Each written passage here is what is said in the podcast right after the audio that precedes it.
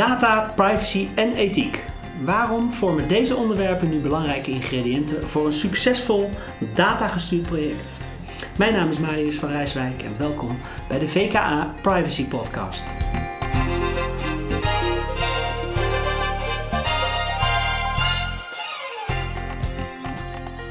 Deze uitzending staat in het teken van data, privacy en ethiek. Uh, dus een multidisciplinaire aanpak gaan we bespreken.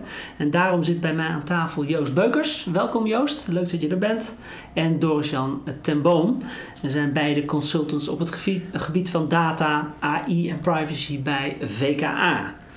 Heren, uh, dank dat jullie vandaag hier aanwezig willen zijn. Natuurlijk met gepaste afstand uh, volgens de coronaregels. Um, laten we maar gelijk met de deur in huis vallen. En dat is natuurlijk even beginnen met uh, datagestuurd project. Wat versta je daaronder? Hè? Ik denk dan al gauw aan zelfgesturende auto's en, en, en killerrobots hè, over AI en, dergelijke. Maar het kan volgens mij ook kleiner. Joost, heb je daar ervaring mee? Ja, ik denk dat er heel veel voorbeelden zijn die we eigenlijk allemaal wel kennen. De, bijvoorbeeld de bonuskaart van Albert Heijn is een heel mooi voorbeeld van een project waar, ik geef niet eens een project, een toepassing, waar data gebruikt wordt om het gedrag van allerlei klanten te meten en op basis daarvan gepersonaliseerde aanbieding te doen. Maar denk ook aan allerlei verzekeringsmaatschappijen, bijvoorbeeld autoverzekeringen die uh, kijken naar relevante gegevens van hun klanten. Denk aan de, waar je woont, welke postcode de regio je zit, die bepalend zijn voor het risicoprofiel en daarmee ook de hoogte van de premie. Dus er wordt in heel veel toepassingen wordt al lang uh, data gebruikt om risico's in te schatten of om profielen op te bouwen van je klanten. Maar die hebben dus, als ik jou hoor, dan heeft dat ook gelijk wel consequenties voor je. Dus uh, jij zegt van zo'n, zo bijvoorbeeld zo'n verzekering, dan kan gelijk je premie dus omhoog gaan. Omdat, jij, omdat ze zien dat jij onzorgvuldig rijdt of door rood rijdt vaak of te hard rijdt. Daar, daar zit je aan te denken dan. Ja, dat klopt. De verzekering heeft natuurlijk altijd een solidariteits gehalte in zich. Hè? Dat is natuurlijk ja. de, de, kern van verzekering. Dat je gezamenlijk de, de, risico's draagt. Maar dat solidariteitsbeginsel wordt natuurlijk altijd enigszins getweakt. Uh, doordat je mensen die wel heel vaak schade rijden, toch wat, wat meer wil laten bijbetalen dan de mensen die heel ja. weinig schade rijden. Ja. En zo zijn er bijvoorbeeld verzekeringsmaatschappijen en ook de ANWB biedt zo'n verzekering aan, de Veilige Rijdenverzekering uh, die probeert te stimuleren in je gedrag om zo veilig mogelijk te rijden. Heel interessant, want ze hebben een soort kastje wat je mm. in je auto stopt, die ja. continu meet hoe jij rijdt. Hoe jij rijgedrag is. Maar dan, dan heb je het eigenlijk al over het beïnvloeden van gedrag, hè? als Zeker, je het uh, ja. op die manier gebruikt. Ja. en dan is de prikkel geld. Als je heel veilig rijdt, hoe dat dan precies is, overigens maar de vraag. Maar als je heel veilig bent, dan betaal je minder premie. Privacy uh, technisch, Doris Jan. Uh, ja, dat is. Uh, privacy technisch zitten er natuurlijk wel wat haken en ogen aan. Ja. op het moment dat je gaat bepalen welke gegevens je allemaal wilt, wilt gaan verzamelen en opslaan. Ja. En waarvoor je die dan wil gebruiken. En het kan natuurlijk ook prima zijn dat gegevens die je voor het ene doel verzamelt, bijvoorbeeld om die premie goed te kunnen bepalen, dat die na verloop van tijd ook voor andere doeleinden nog wel heel nuttig kunnen zijn. Bijvoorbeeld bij het ontwikkelen van nieuwe producten. Ja, ja. Uh, of om, ja, misschien kun je ze ook wel verkopen. Misschien zijn ze belangstelling voor vanuit marketingdoeleinden. Dus zo kan die uh, gebruik dan steeds weer uitdijen. Dat is natuurlijk per, bij uitstek. Maar het is wel heel verleidelijk natuurlijk ook om dat te doen. Dat is heel zijn. Als je die data toch hebt, hè? dus waarom zou je dat dan niet, uh, niet gebruiken, zou je zeggen? Ja, het is heel verleidelijk, maar het, uh, ja, de keerzijde daarvan is natuurlijk gewoon dat je uh, in botsing kunt komen met de AVG. Ja. Heel concreet, en dat het ook gewoon boetes op kan leveren. En aan de andere kant ook, wat voor beeld wil je dat jouw klanten van jou hebben? Dat je inderdaad als een, een goed huisvader met alle data omgaat en er ja, alleen de dingen mee doet die je beloofd hebt, of dat je daar wat ruimer in bent. Ja. En dat je dan daardoor ook een wat minder betrouwbaar profiel zult krijgen. Oké, okay, dus als ik jullie zo hoor en met name Joost zegt van uh, ook datagestuurd projecten, dat gaat niet alleen over AI en, en zelfrijdende auto's, maar kan dus heel klein zijn. Van die bonuskaart wist ik bijvoorbeeld niet, dus dat is goed om te weten hè, dat ik dat niet meer ga gebruiken, want ze volgen me. Um, als je het zo klein maakt, dan komt dan natuurlijk ook wel jullie ervaring bij organisaties met datagedreven uh, uh, projecten. Wat zijn dan belangrijke valkuilen die jullie zien bij dataprojecten, Joost? nou, eentje die eigenlijk altijd wel in het oog springt en die is ook wel een beetje klassiek, is dat veel van dit soort projecten toch als een technisch project worden aangevlogen. Dus dat, dat hmm. de IT-afdeling opgezaald wordt met het realiseren van uh, dit project. Ook omdat er IT voor nodig is om dit te kunnen realiseren. Um, een beetje een klassiek probleem, omdat het natuurlijk altijd gaat over de, de, de, alignment tussen business en IT. Waarbij dan uit het oog wordt verloren wat nou eigenlijk ook weer de zakelijke behoefte of rechtvaardiging was voor het verzamelen van die data en wat wil je daar eigenlijk mee doen. De, techniek is geduldig je kan heel veel data verzamelen, uh, veel meer dan je eigenlijk nodig hebt, wat ook helemaal niet meer het doel precies Ehm, dient waarvoor je überhaupt was begonnen. Dus dat is eentje die we uh, echt wel vaak zien. Vaak zien, maar dat is, dat is dan omdat die techniek dan leidend wordt in de hele toepassing. Maar jij zegt van, en er wordt dan alleen vanuit IT-perspectief gekeken en niet multidisciplinair gekeken naar uh, het vraagstuk of het gebruik. Precies. Hè? Dus, ja. dus dan heb je niet over, heb ik eigenlijk al die data wel nodig? Hoe zit het met persoonsgegevens, privacyvraagstukken? Ja. Uh, maar ook ethische vraagstukken. Hmm. Is het eigenlijk, misschien mag het wel, misschien kan het wel, maar is het wel passend bij de ethische normen die we. Hmm. wil je het? Ja, ja wil je kunnen het wel. en willen. En wordt het ook wel geaccepteerd door anderen? Jij kan het misschien wel willen vanuit jouw perspectief, als verzekeraar of hmm. als. enzovoort. Maar vinden jouw klanten of andere stakeholders dat eigenlijk ook wel? Ja. Jan, heb jij nog andere valkuilen die jij ziet in, uh, in, in, in, dat soort projecten? En een valkuil is ook vaak dat uh, de techniek uh, die gebruikt wordt, mm. dat die ook niet helemaal begrepen wordt. dus dat je een, een, onderdeel zeg maar in je algoritme gebruikt waar data ingaat en een, ja, een uitkomst uitkomt. die het meest in het meest fijne geval is hij heel duidelijk en helder en uh, ondubbelzinnig. Mm. Uh, alleen, uh, de vraag is hoe genuanceerd dat is. En uh, de nuance die kan heel erg verdwijnen op het moment dat je een uitkomst heel erg zwart-wit maakt. En op het moment dat je dus vragen krijgt over die uitkomst door de mensen die het betreft, dan moet je die vragen kunnen beantwoorden. En als je niet, niet heel duidelijk kunt zeggen hoe die tot stand is gekomen, uitkomsten tot stand zijn gekomen, dan kun je er erg mee in de problemen komen. Maar dan heb je een beetje de discussie die nu speelt over uh, de transparantie van algoritmes. Hè? Dat ook de Kamer heeft gezegd, wij willen uh, daar een keurmerk op of wij willen een manier om te kunnen toetsen wat zo'n algoritme feitelijk uh, doet. Ja, ja. ja, dat is heel erg actueel. Al, en met name waarin algoritmes ook echt, echt, beslissingen nemen. Dus iemand krijgt wel of geen belastingkorting of wel of niet een paardensubsidie. Ja. Dan is het natuurlijk heel erg belangrijk dat die ja, die beslissingen één op één traceerbaar zijn. Ja. Uh, en wat je dan moet doen eigenlijk op het moment dat je die techniek niet helemaal uh, nog feilloos kunt vertrouwen, dat je daar een mens tussen zet die dan uh, geadviseerd wordt door het algoritme, maar wel zelf nog die beslissing neemt. Ja, precies. Dat is dan de privacyborging die je dan daarin in zet. Um, hebben jullie ook het idee dat organisaties op dit moment voldoende hun datastromen ook eh, goed inregelen om dit soort projecten überhaupt te kunnen oppakken? Nou, dat is denk ik een andere valkuil. Dat mensen zich wel verkijken in hoeveel werk dat eigenlijk is. Je kan natuurlijk voor een, uh, je eerste pilot of een proof of concept prima aan de slag met een bestand wat je hebt. Maar om in continuïteit die data ehm, te verkrijgen, uh, op kwaliteit te toetsen, afspraken te maken met de partij van wie je die data verkrijgt over die kwaliteit en over de aanleverfrequentie het, het managen van de data, dat is, een, is echt een wereld op zich. Ja. En is vele malen complexer dan waar veel mensen bij aanvang uh, vanuit gaan. Ja, oké. Dus eh, als ik even heel kort samenvat, maar dus vooral die holistische benadering is belangrijk, want dan halen die disciplines in huis en dan is er wel iemand die zegt, ja, maar hebben we wel genoeg data? Of hebben we daar continuïteit in uh, vanuit privacy? Hebben we daar de dingen over, hè, hebben we daarover nagedacht? Moeten we PIA uitdoen, hè, Privacy Impact Assessment, uh, vanuit IT, IT, maar ook vanuit ethiek. Hè. Dus volgens mij hoor ik dat in jullie verhaal.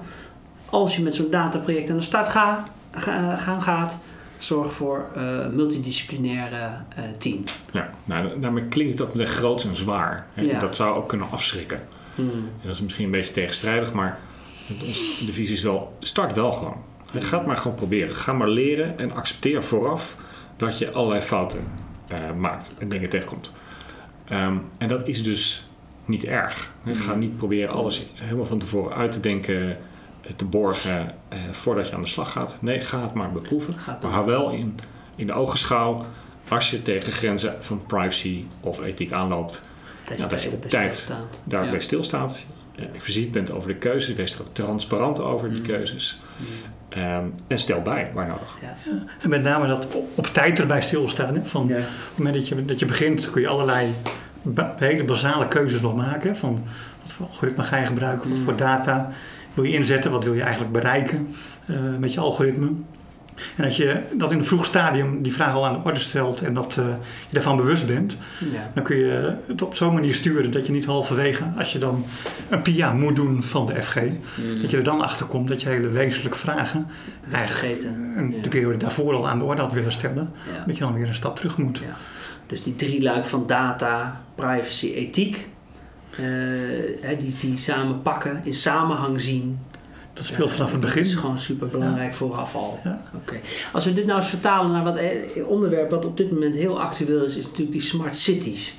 Hè, ontwikkelingen. Ik, ik, ik hoor ook uit de markt hè, uh, letterlijk gewoon dat wethouders naar, naar China zijn gegaan. Hè, en, en daar fantastische initiatieven hebben gezien. En dat dan eigenlijk ook weer naar huis willen meebrengen hier in hun, in hun eigen gemeente. Uh, aan de andere kant zie ik ook wel gemeenten erg worstelen met die toepassingen. Uh, omdat ze ook nog niet zo goed weten uh, hoe ze daarmee om moeten gaan. Uh, complex. roept ook allerlei vraagstukken op natuurlijk. Hoe, wat zien jullie daarin en hoe, met name even vanuit die drieluik, hè? hoe verhoudt zich dat dan tot zo'n Smart City initiatief? Hoe moet je daar dan mee starten? Ja, wat je natuurlijk direct tegenaan loopt is in wat voor, uh, wat voor cultuur je een bepaald idee wilt doorvoeren. En het idee met China is natuurlijk uh, dat het in een andere wereld is, uh, maar het is dezelfde techniek. En dingen die daar gebeuren, hè, dus dat burgers heel nauwkeurig gevolgd worden en daar ook sociale kredietpunten of, of strafpunten voor krijgen. Dat zou, technisch kun je dat overal uitvoeren. Alleen cultureel is het een groot verschil of je dat in China probeert te verkopen of hier in Nederland. En in Nederland zijn natuurlijk de mensen behoorlijk kritisch op dat gebied. Ja. Het, uh, ja, het, zal nog eh, flink wat werk kosten om daar, ja, iets wat daarop lijkt hier van de grond te krijgen. Maar het neemt natuurlijk niet weg dat er allerlei technische mogelijkheden zijn, die hier ook in het kader van smart cities. Dus vanuit data-optiek, vanuit het perspectief van data, kan dit, ook in Nederland? Ik denk dat het technisch wel kan.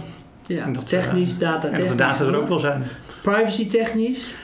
Privacy-technisch ligt het al lastiger, hè? omdat je hebt natuurlijk de AVG en je moet uh, de, doelen waarvoor je het gaat toepassen, die moet je heel goed uh, definiëren. Je mag ook niet meer data verzamelen dan uh, dat je daarvoor nodig hebt. Dus je kunt het niet echt breder maken.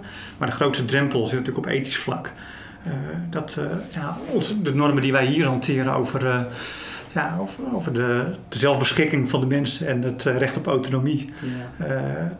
ja, dat is wel een, uh, een groot ding hier. En daar kun je niet zomaar uh, overheen stappen. En het, uh, maar tegelijkertijd, Dorsja, laten we ook als gemeente heb je ook bepaalde belangen om het op een goede manier ook te gebruiken. In de zin van, nou ja, vuil, vuil weghalen. Hè?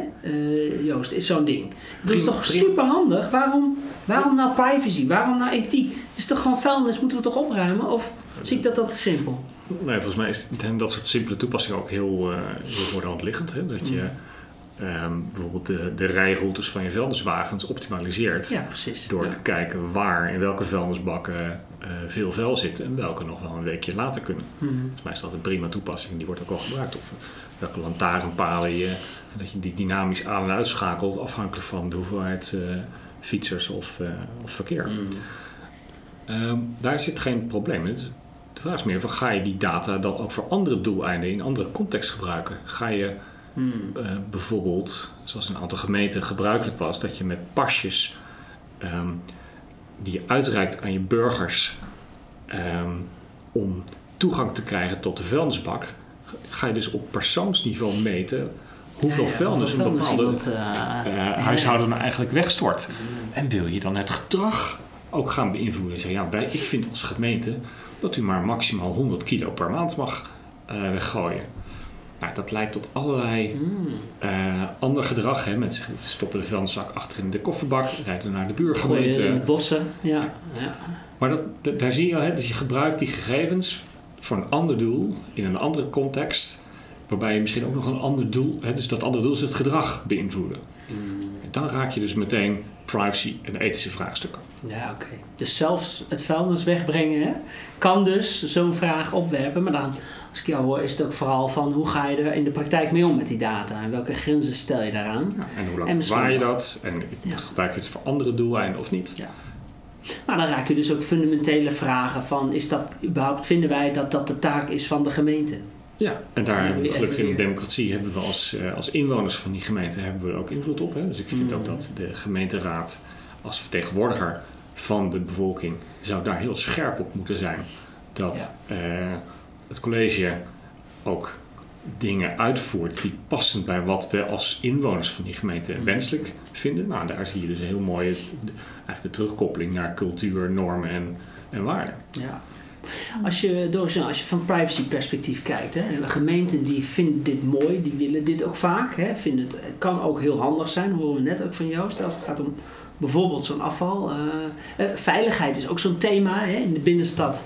Uh, is het toch wel fijn als we daar camera's hebben, want dan kunnen we zien als er ruzie is. Hè, dat kan al, volgens mij hè, heb ik begrepen dat met AI-toepassingen uh, die kunnen al herkennen of mensen ruzie gaan maken. Hè? Met wat duw- en trekwerk uh, wordt dat dan duidelijk. En dan kan er al een opsporingsambtenaar heen of de politie naartoe worden gestuurd. Super handig. Ja. Waar, waar zie je vanuit privacy dan toch ook mogelijkheden? Want ik wil. Maar van wat is er wel mogelijk dan? Hè? Ja, nee, de, de, het mooie van uh, de privacywetgeving is dat het uh, de contour aangeeft. Mm. Dus als je aan de voorwaarden voldoet, en die zijn vaak uh, in principes zijn die opgesteld, dan kun je binnen die ruimte die er is, kun je dit soort toepassingen ontwikkelen. En, dus behalve als een, als een hek eromheen waar je niet buiten kunt, kun, kun je het ook zien als een, een hele grote ruimte waarbinnen je gewoon kunt experimenteren. Ja. En ja, de principes waar je rekening mee moet houden, dat zijn ook principes die je prima kunt verkopen en die ook veel mensen gewoon vanzelfsprekend zijn. Namelijk dat je eerlijk bent in wat je doet en dat je niet doorschiet mhm. in, uh, in, wat je doet met data. Als je ermee klaar bent, uh, dat je dingen kunt uitleggen. Ja. Um, dus op het moment dat je een, een, een doel hebt en uh, ja, bijvoorbeeld veiligheid op straat, dan kun je kijken van wat je daar dan voor nodig hebt om, om zo'n camera te voeden, om op tijd aan te laten staan.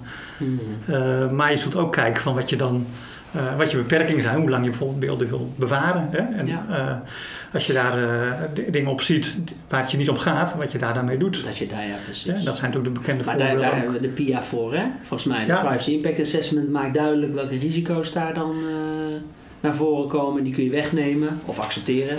Ja, en je hebt bijvoorbeeld het voorbeeld met de, de, de, foto's op de snelweg van de nummerplaten van de automobilisten. waar gebruik je dat voor? En gebruik je dat alleen voor de Belastingdienst of gebruik het ook voor andere dingen. Ja, ja. En dat speelt ook in, uh, bij die smart cities. Ja. Hey, en dan vanuit ethisch perspectief, uh, zijn er daar manieren, methoden voor om daar wat meer inzicht in, in te krijgen? Net zoals zo'n privacy impact assessment, maar dan voor de ethische kant? Ja, nee, er zijn zeker methodes voor. Uh, hij werkt bijvoorbeeld vaak met DADA, methode van de Universiteit van Utrecht. En, uh, de, de, kern... De ethische data-assistent is dat volgens mij, hè? Dat is de ethische data-assistent. Uh, en wat wij daarbij doen, dat is dat je uh, ook in een, in een vroeg stadium met alle betrokkenen om tafel gaat zitten om te kijken waar je tegenaan kan lopen bij de toepassing van, de, ja. van je dataverwerking. Okay. En daar komen, kunnen hele verrassende dingen uitkomen, ook bij ja. uh, groepen stakeholders die niet direct aan tafel zitten, maar die wel uiteindelijk met de gevolgen te maken krijgen. Okay. En door dat goed goed, ja, goed door te spreken van tevoren heb je daar uh, achteraf heel veel plezier van. Ja, mooi. En als je het om data hebt bij algoritme, uh, algoritme uh, dat, dat wordt dan vaak toegepast op data, Joost. zijn daar ook manieren voor om daar wat meer grip op te krijgen of meer transparant te maken? Ja, dan gaat het natuurlijk over de werking van het algoritme zelf. Mm -hmm. de, logica als het ware die erin zit. Ja. Nou, daar, daar zijn overigens wel met de nieuwe AI-toepassingen ook wel beperkingen aan. Hè. Sommige algoritmen zijn zogeheten machine learning algoritmen, die mm. eigenlijk zelf leren aan de hand van alle input die erin stopt, gaan ze patroon herkennen. En dat is heel moeilijk om dat transparant te maken, mm. hoe dan het algoritme tot een keuze komt. Daar moet eigenlijk in de algoritme zelf een ingebakken verantwoordingsmodule worden, okay. of iets ergens kan. Ehm, maar je hebt daar uh, methoden voor, de, algoritme assurance, die eigenlijk heel transparant maakt ja. waar wordt het algoritme voor gebruikt, welk doel, Um, hoe werkt het precies? het is een beetje vergelijkbaar met, met die digitale... Dus, ja, dus feitelijk heb je voor, als je het hebt, als wij het hebben, we hebben het over het thema data, privacy, ethiek. Dan heb je aan de datakant heb je zoiets als een algoritme assurance, algoritme keurmerk, om, dat, hè, ja. om daar controle op te krijgen. Je hebt de, de, de ethische data-assistent voor de ethische kant. Ja. En je hebt dan de privacy impact assessment vanuit de AVG, om daarmee de risico's in beeld te brengen. Dus dan heb je eigenlijk die drie luik, kun je dus ondervangen, als ik jullie zo, uh, zo begrijp. Ja, je kunt op alle drie die, eh, die sporen kun je ja, en dan vooraf doen, uh, Dus vooraf om, om achteraf te voorkomen dat je in één keer de stekker eruit moet trekken. Terwijl dat misschien niet nodig was. Ja, op het moment dat je daar op dag één rekening mee houdt. Je kunt op alle drie die sporen die uh, principes goed in de gaten houden. Dan leg, je een steen, leg je een hele stevige basis. Okay, mooi. Ik begreep ook dat rond dat thema data, privacy en ethiek door Jan dat daar ook online sessies uh, voor worden gehouden binnenkort. Kun je daar iets over vertellen? Ja, nee, we gaan op, uh, op 18 juni gaan we een uh, online sessie beleggen. Waarbij we aan de hand van een, van een hele concrete casus gaan, gaan in kaart gaan brengen hoe dat op die drie sporen verloopt. Dus wat dan de privacyrisico's zijn, de ethische risico's en de risico's met data. En dan gaan we ook zien dat het allemaal heel erg verweven is. Ja. Dat, dat het elkaar overlapt. En dat gaan we dan met een groep mensen online uh, vormgeven. Okay, mooi. 18 eh, juni voor het eerst. Leuk. Dus dan kunnen data scientists, projectleiders, beleidsmakers, privacy officers, you name it. Ja, die kunnen daar die, ook het net ophalen. Iedereen die erbij betrokken is, die dat interessant vindt, die kan daar meedoen, actief. Misschien leuk voor de luisteraars om daar aan deel te nemen. Dank jullie wel. Ik vond het een interessant thema. wat ik eruit meeneem is in ieder geval dat blijft toch hangen, uh, die holistische benadering, hè, als je met dit soort initiatieven aan de slag gaat.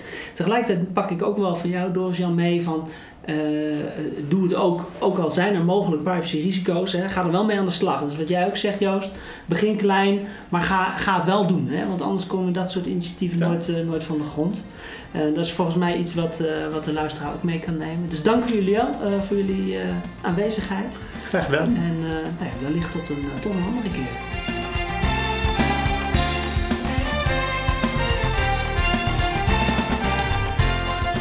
Dit is alweer het einde van de podcast. Vragen of opmerkingen die zijn natuurlijk altijd welkom en die kunnen via privacy.vka.nl naar ons worden toegestuurd. En dan mocht je nou interesse hebben in die online uh, sessie, Data Privacy en Ethiek, ga dan even naar onze website en schrijf je daarin. Ik zal de link uh, ook in de show notes opnemen van deze podcast. En uh, deze podcast kunt u ook vinden op iTunes, Soundcloud en Spotify. En vanzelfsprekend, volgende maand nemen we weer onze volgende uitzending op. Tot dan!